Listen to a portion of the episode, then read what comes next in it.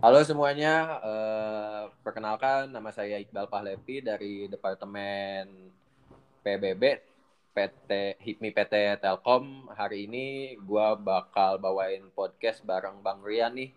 Uh, sebelumnya Bang Rian boleh perkenalan diri? Oke, halo semuanya teman-teman HIPMI Telkom dan uh, teman-teman yang mendengarkan juga. Kenalin nama gue Rian, um, wakil ketua HIPMI dulu ya. Tahun berapa ya? Gue juga lupa. 2020 ya, 2020 apa 2019 ya? Gue juga lupa. Wakil 2019 2020. Dan saat ini alhamdulillah thank you juga buat HIPMI Telkom undang-undang di podcastnya.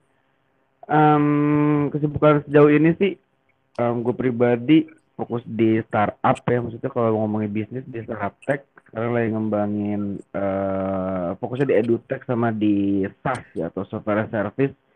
Jadi sekarang lagi ngembangin ada namanya Yoscan itu sebuah aplikasi digital menu dan table ordering buat restoran. Lagi ngembanginnya yang mungkin teman-teman tahu ada mulai di sini sebuah edtech buat UMKM edutech ya edukasi teknologi. Uh, dan juga punya kedai sih di daerah Tangerang Selatan sini. Ini secara singkat Nah, itu kali ya uh, perkenalannya. Jadi emang lebih uh, banyak di industri startup sampai saat ini dari ya dari awal kuliah lah sampai sekarang. Kayak gitu sih, Bro.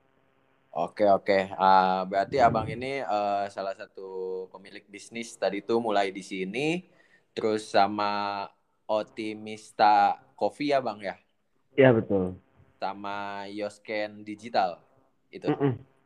Oke, siap. Nah, uh, yang gue tangkap sih, uh, eh, gue pernah lihat mulai di sini ya bang sama Yosken, itu kan mm -hmm. uh, bisnis yang menurut gue bagus lah. Jadi uh, ke konsep gitu, gue lihat mulai di sini gitu, udah uh, kolaborasi sama Grab itu ya bang, yang ya, ya sempat kita sama Grab juga.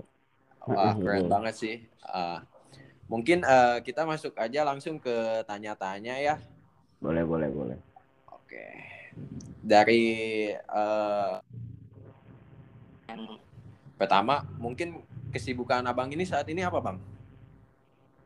Kalau kesibukan sebenarnya sih kalau sekarang lebih intens di Yoscan sebetulnya ya karena uh, yang Yoscan ini juga kita udah ngantor, udah ada timnya juga di Jakarta. Kebetulan uh, untuk yang satu ini emang dibangunnya profesional, maksudnya kayak udah ada PT-nya udah ngantor juga uh, ya kerja kantor standar lah ya.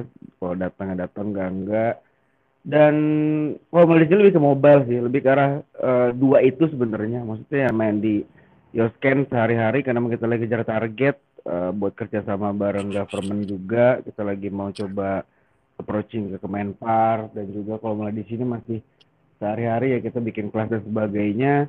Sama ya hari-hari kayak gitu sih lebih ke arah ngurusin bisnis depan laptop tiap hari sama kadang-kadang ya kalau udah agak malam main kripto atau main Mobile Legend paling. Mabar biasanya. iya betul betul. Jam malam harus hiburan. Iya betul. Harus seimbang. Kalau olahraga gitu enggak ini bang, enggak main kayak futsal ke atau basket atau enggak sepeda yang sekarang lagi viral itu kan lagi. Ah, gue anti sepeda anjir. Wah, gue lebih basket sih, basket minggu sekali biasanya uh, uh, oh. sama alumni SMA biasanya. Oke okay, oke. Okay. Uh, eh, berarti bisnis saat ini tuh uh, yang tiga itu tadi ya. Uh, mungkin ya, uh, bisa ngejelasin apa ya? Uh, uh, kalau abang itu bisnis pertamanya itu apa bang? Kalau pertama, pertama, pertama banget nih, pertama banget. Iya. Pertama banget itu sebenarnya gue juga mulai dari reseller sih jadi gue zaman apa nih SMA kali ya? SMA pertama kali bisnis. Sebenarnya ada ada keinginan sejak SMP cuma masih mager-mageran kerjanya masih nongkrong doang. SMA mulai iseng itu pertama kali bisnis ya itu ya makanya kayak sebenarnya bisnis nggak selalu dimulai dari brand juga gitu kan. Gue juga start dari seorang reseller short yeah. cap kalau tahu kayak kopi eh kopi lagi. Topi-topi stand up komedian zaman dulu tuh tulisan nah gue bikin resellernya itu juga gak lama dan gak stabil juga kayak ini bisa iseng hingga akhirnya pertama kali bikin brand itu sebenarnya i bukan io ya uh, production house lah ya jadi emang yeah. udah lama di dari awal dari industri kreatif juga bikin production house namanya Hero Production kalau nggak salah dulu. Jadi tuh awalnya kayak uh, production house tapi khusus untuk Seventeen Party. Nah kayak zaman dulu kan oh. SMA tuh pasti ada yeah, yeah. cewek-cewek tuh ya kan, cewek-cewek kecil biasanya pasti bikin tujuh belasan kan, ya kan ulang tahun. Nah biasanya kalau umur nggak tahu yang gue lihat dulu tuh kayak belum ada IO di sana kan. Nah gue yang ngehandle, tapi emang fokusnya ke production house.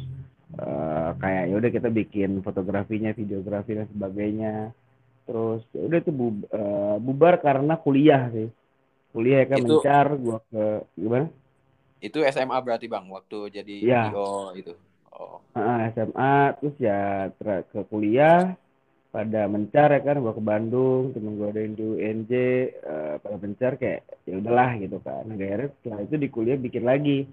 Uh, kalau anak himi dulu tahu sih kita pernah bikin namanya doyan ya kan. Doyan itu kayak keripik lah snack ya kan. Yeah. Next macam Snack udah lumayan juga sih udah punya reseller berapa di berapa kota juga.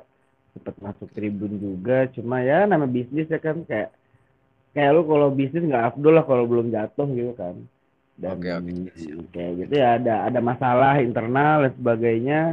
Ya waktu itu gue yang mundur sih. Jadi kayak uh, ada masalah internal gue cabut dari doyan. Dan ya udah barulah sana uh, ngebangun mulai di sini di tahun mulai di 2019 gitu eh 2008 ya 19 akhir.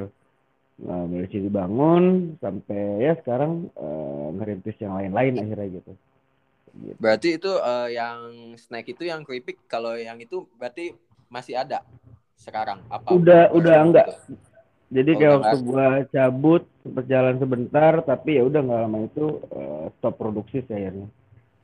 Oh, oke okay uh, yang gua tangkep sih uh, yang mulai di sini ya bang karena gua tahu mm-hmm. itu tahu abang itu dari yang mulai di sini nah oh, iya. uh, di situ tuh kayak out of the box banget jadi misalkan anak-anak kuliah anak-anak muda yang ingin bisnis itu paling kebanyakan kayak buka kedai kopi buka clothing kayak gitu kan ya. Ini bisnisnya itu ke yang arah itu edukasi gitu kan ya bang? Iya betul. Ya gitu. Jadi kayak wah keren nih orang sumpah. Gitulah. Uh, untuk cara ngemulai bisnis baru itu menurut abang seperti apa kalau ditanya uh, cara ngemulai ya kalau kata gue sih gini sih. Hmm, buat awal kalau misalnya buat anak kampus sebenarnya kalau memulai bisnis itu landasannya kalau kata gue dua ya lo dari dari masalah yang ada atau dari apa yang lu bisa gitu.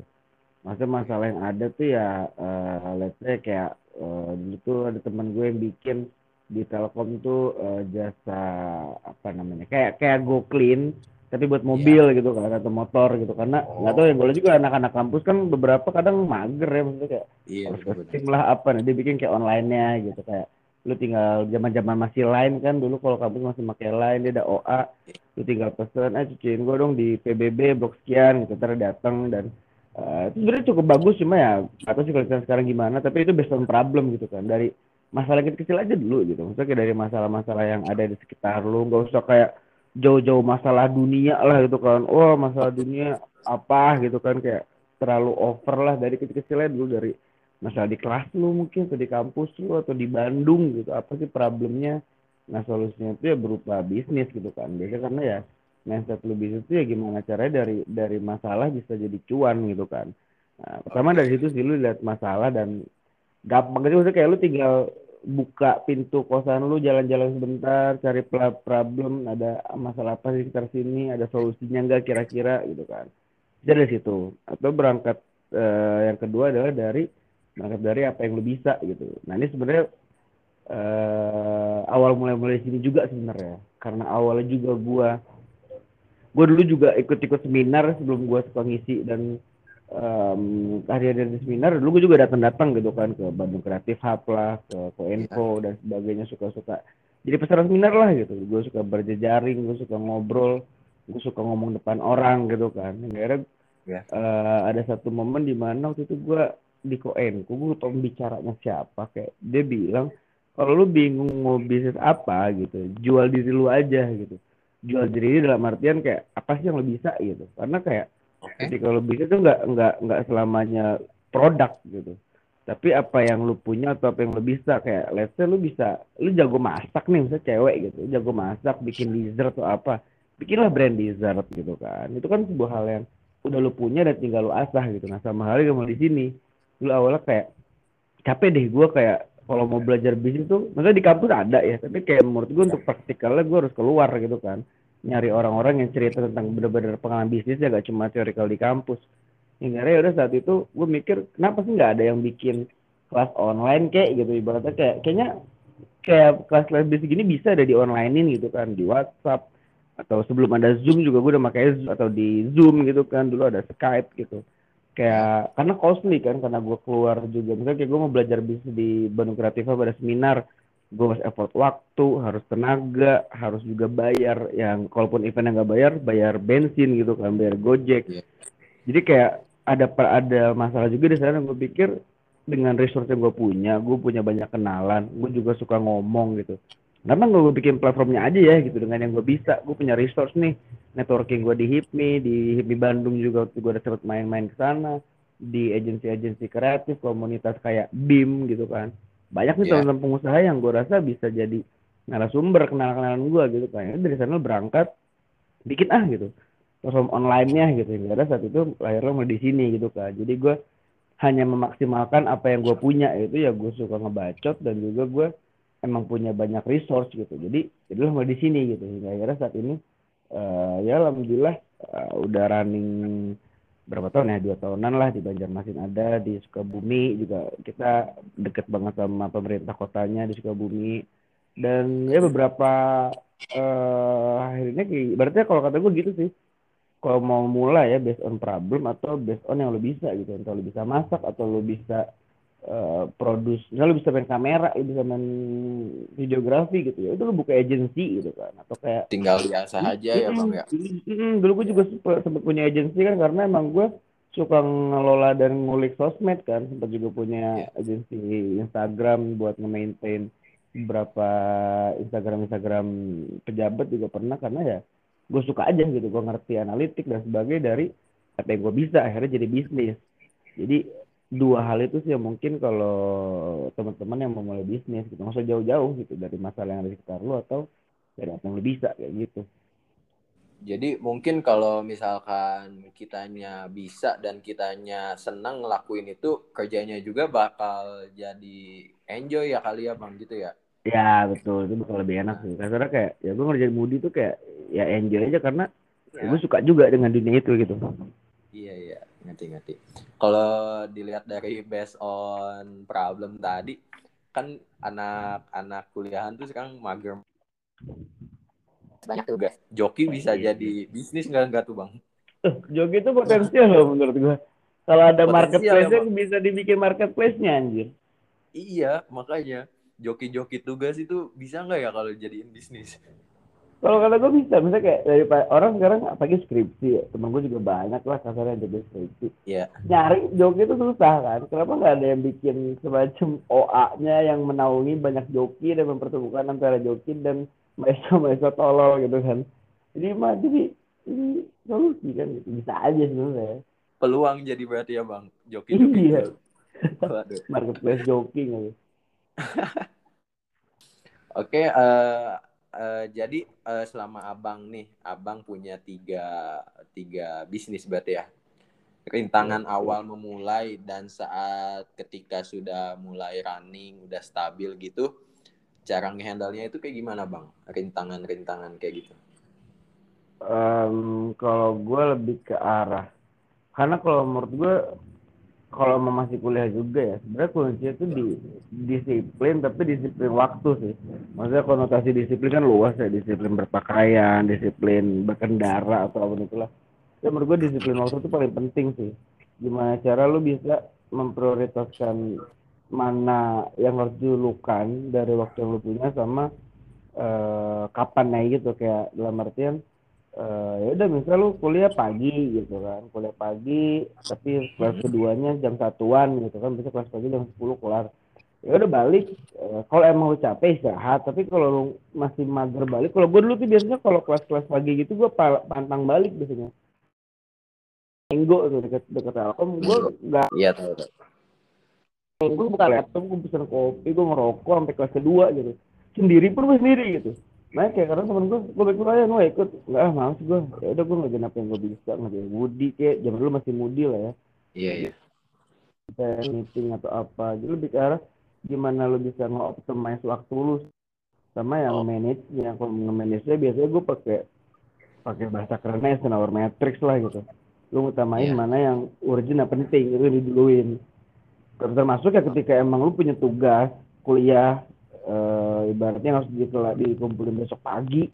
Tapi di sisi lain lu ada klien bisnis tapi ya mungkin deadline-nya lusa gitu. Ya udah lu tetap kuliah lu dulu gitu. Jadi lebih ke arah uh, urgent penting dulu gitu. Kalau urgent dan itu penting ya lu kerjain detik itu juga gitu. Kalau misalnya itu urgent tapi nggak penting-penting amat gitu ya udah lu bisa delegasiin. Itu fungsinya tim gitu kan. Makanya gue selalu nyaranin tiga bulan bisnis kalau emang butuh tim bikin tim gitu terus kalau misalnya itu uh, penting tapi nggak urgent-urgent amat gitu ya udah lu schedulein lu kerjainnya kapan ya gue kira-kira kosong mungkin ntar sore ya udah lu schedule hari itu uh, sore itu kerjain. Nah kalau emang itu udah mah kagak urgent dan juga gak penting ya udah nggak usah dikerjain. Kadang-kadang itu yang mestinya gitu. Udah mah nggak penting kagak urgent diduluin. Nah itu yang namanya jadi problem gitu kan. Misalnya main atau misalnya kayak ya maksud gue kayak gue pun kayak kayak biasanya misalnya refreshing perlu lah ya tapi kayak ada waktunya kan kayak gue pun mabar ya mabar tetap main ML cuma kan tengah malam gitu kan ketika emang gue udah ada kerjaan baru jadi kalau gue problem problem gitu ya problem itu pasti awal-awal waktu sih gimana cara lu utamain mana yang penting gitu kan. Dan menurut gue yang penting ya gimana cara nge-manage sama utamainnya gitu. Berarti uh, intinya kayak nge-manage waktu gitu ya, membagi-bagi mm -hmm. waktu mana yang urgent sama yang prioritas seperti itu ya. Iya, selama lo bisa, gue rasa masalah-masalah lain nggak akan muncul sih. Oke oke. Oke, uh, pertanyaan selanjutnya itu kapan mulai expand ke bisnis-bisnis yang lain atau abang ada rencana ingin buka bisnis lagi dan kenapa milih itu bang? Kenapa oh dari guanya berarti ya? Iya.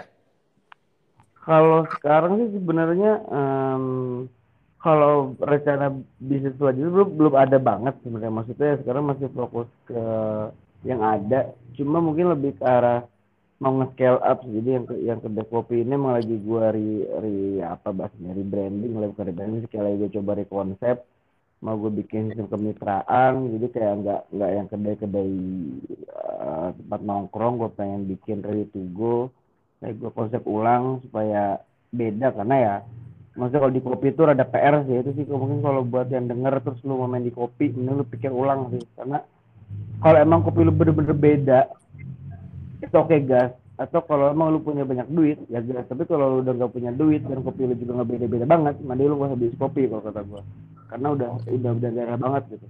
Dan yang pertama itu sih gue mungkin lebih ke pengen nge-scale up di otorisanya dan kalau bis lain sebenarnya ada cuma mm, belum belum tar, terlalu ke arah bisnis sih. Ada namanya gue lagi bikin coin fox sebenarnya kan. Jadi sebenarnya itu kayak media buat cryptocurrency dan blockchain media gitu. Yang kayak lebih ke outputnya sebenarnya kayak gue pengen bikin kayak USSP kayak Volcative cuma oh, versi cryptocurrency sebenarnya.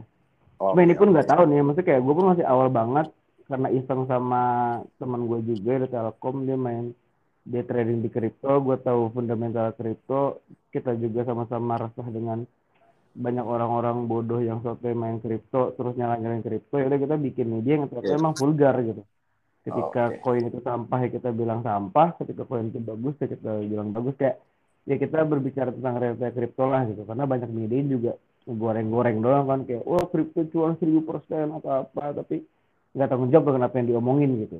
Nah kita yeah, yeah. Uh, mau jadi yang benar-benar media yang realistis. Wah sebenarnya ada arah ke etek juga sih ya ada arah ke edukasi teknologi juga sebenarnya cuma belum tahu ke sana apa enggak sih. Mungkin yang, yang baru itu sih masih tapi belum It, belum jadi bisnis banget sih masih lebih ke media doang. Tapi mungkin ke depannya ada potensi sih di si Fox ini. Tapi itu udah ada belum sih bang bisnis kayak gitu? Belum ya? Bisnis gimana tuh? Yang kripto kripto itu. Maksudnya ya um, kayak -uh. ya. Kalau yang edukasi sih sebenarnya belum ya makanya kita lagi pertimbangin sih jujur kayak lagi pertimbangin maksudnya kayak uh, ibaratnya yang mengklaim the first education technology for cryptocurrency itu kayak belum ada makanya kita ada kepikiran ke arah sana. Cuma ya let's see aja lah nanti ke depannya bakal jadi apa gitu kan gua tunggu lah semoga lancar ya bang apa pun usaha ya, yang ya. akan abang lakukan uh, jadi uh, mungkin yang paling prioritas untuk saat ini itu kayak nge-scale up yang coffee tadi ya? Ya, bisa katakan itu sih. Oke, oke. Nih Bang, pertanyaan terakhir nih. Saran, saran mm. untuk yang ingin memulai bisnis di bidang apa aja lah, kayak buat anak-anak motivasi gitu, kayak saran aja gitu. Untuk para pendengar uh, podcast uh. ini. Saran buat yang mau bisnis um, apa ya? pertama kalau bisa jalan sendiri jalan sendiri nggak usah uh, apa namanya nggak usah wah gue mau bikin kopi gue butuh barista gue butuh kasir gue butuh kitchen mas gue kayak as long as lu bisa atau kayak gue butuh partner gitu as long as lu bisa ngajarin sendiri kerjanya sendiri gitu karena gue lihat uh, kalau di bangku kuliah misalnya ya kalau emangnya dengan anak telkom bangku kuliah itu banyak yang bisnis bareng temen tapi ikut-ikutan doang gitu. Maksud gue yeah. kayak ya kalau gue jujur salah satu problem gue di doyan kayak gitu gitu. Kayak uh, yang kerja mah kerja ya kagak mah kagak gitu.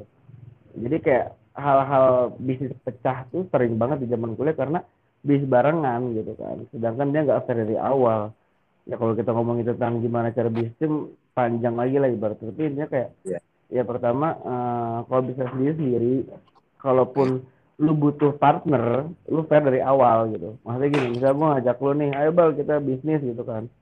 Okay. Tapi lu jadi tim gue ya, bukan jadi pendiri gitu loh. Fair gitu. Jadi kayak sekarang gue narik lu sebagai karyawan gitu. Jadi jelas yeah. dari awal lu gak dapet share gitu. Gue pun di mulai di sini kayak gitu. Walau gue emang di bulan ke, gue tuh mulai kalau Juli, gue di bulan Oktober tuh bikin tim, tapi gue ngajak tim gue tuh kayak, yuk uh, bantuin gue di mulai sini gini gini gini gini Emang gue ada nyotok ya, tapi gue nggak ada suntik langsung, nggak bisa suntik dana ya, gini, gini, gini. Gue bilang kayak, ya enggak, lu bantuin gue sebagai tim. Bahasa kasarnya, as, uh, staff gue gitu. Lu mau apa enggak? Gitu. Jadi hmm. pendiri tetap gue, founder tetap gue. Gue bukan mengajak lu untuk berpartner, tapi gue mengajak lu untuk menjadi bagian dari tim gue. Itu fair jelas. Jadi dia bawahan gue sejak awal. Even gue nggak bayar lo awal kan kayak, tapi gue nggak bayar lu nih. Hmm. Gue bisa bayar lu ketika bulan kesekian sekian gitu. Oh enggak, enggak, iya iya enggak enggak gitu. Nah sejak awal udah udah fair sama kayak dengan hal yang kopi gue bikin gue juga dari awal udah fair duit lu berapa duit gue berapa lu ngasih apa gue punya apa kita hitung hitung hitung hitung hitung lu sekian persen gue sekian persen kita turunin tiap tahun misalnya nggak bisa didividenin tiap enam bulan misalnya jadi kalau buat gue kalau kata gue sih awal awal uh, itu sih kayak ya, lu kerja sendiri kalau butuh partner lu fair fair sejak awal. Dan yang ketiga lebih ke arah um, realistis sih. Maksud gue gini uh, bisnis itu outputnya adalah ngasilin duit. Kalau lu bisnis tapi nggak ada duit duitnya itu maksudnya kayak gini. Kadang-kadang orang terlalu kemakan apa motivator kan kayak yang penting jalan dulu atau uh, kayak money is not about uh, apa kayak ibaratnya duit itu bukan segalanya. Tapi yang ngomong duit bukan segalanya tuh ya kayak Steve Jobs sama Alibaba Jack Ma eh, dia udah nggak punya duitnya udah ya. bosen anjing. Itu kayak duitnya iya, udah nggak ketampung itu mah iya gitu. Karena itu kedua kayak duit bukan segalanya lebih iya sih mungkin ngomongin value lah ngomongin apa. Tapi intinya lu harus tahu dari mana bisa dapat duit. Dan kalau bisa nggak cuma satu. Contoh kayak misalnya kopi Iya kopi kan dapat duitnya dari direct selling gitu kan. Lu jual langsung gitu. Tapi siapa tahu lu bisa kolaborasi event juga gitu kan. Lu jadi supplier uh, kopinya mereka atau bahkan gue sempat kepikiran kemarin gimana caranya wedding wedding pakai kopi gue gitu kan. Itu kan salah satu revenue lain gitu kan. Kayak gue gak cuma jual satuan tapi gue kerja sama sama wo gitu. Wo kan mungkin dia ada paketan sama uh, catering catering kan ada minuman biasanya ada coca ada ini. Belum ada tuh gue ngeliat wedding ada kopi susu gitu kan. Nah mungkin bisa masuk sana tuh gitu kan. Dia partnership jadi lebih ke arah sejak awal lo juga harus tahu uh, revenue stream dari mana aja. Dan yang terakhir intinya uh, maksud gue uh, ide planning ya minimal bikin DMC deh gitu. Kalau mau konkretnya ya kayak kalau udah tahu lebih sendiri atau enggak terus kayak udah memulai tahu idenya apa udah paling konkret bikin BMC aja dulu gitu loh. Di model kanvas uh, udah jalanin gitu kan. Jadi lebih ke arah ide cukupnya eksekusi secepatnya lah gitu. Dan doa sekuat-kuatnya lah. Karena kalau kata gue sejago-jagonya lu sepinter-pinternya lu kalau Tuhan tidak menakdirkan ya nggak akan jalan sih. Iya. Iya siap. Oke uh, itu adalah pertanyaan terakhir dari gua mungkin uh, saran tadi itu yang pertama uh, harus fair-fairan sama uh, timnya itu. Terus hmm. yang kedua realistis yang satunya lagi. Tadi itu apa bang? Yang satunya itu apa tadi? Aku juga lupa lagi dah kalau ngomong gitu kan ya udah kayak, pokoknya ya, dengerin aja. iya iya iya gue juga lupa gak nyatut. Uh, oke okay, bang. Uh, mungkin segitu doang. Terima kasih ya, nih bang. ya. aduh waktunya manfaatnya siap, siap, banyak banget. Gue dapat pembelajaran baru dari abang info-info terbaru dari abang. Mungkin kita siap, bisa ketemu lagi di lain waktu ya. Semoga aja okay. nanti kuliah offline bisa ketemu bisa ngobrol bisa berbincang. Uh, oh ya para pendengar podcast Hipmi PT Telkom bisa dong kalian follow IG-nya uh, eh, bisnis bisnis Abang Rian ini seperti mulai di sini at mulai di sini at Otimista double T ya Otimista ID dan Yosken Digital underscore. Yo, keren keren. Oke bang, uh, saya tutup ya. Yep, thank you bang. Terima kasih semuanya yang telah mendengarkan yep. podcast kali ini.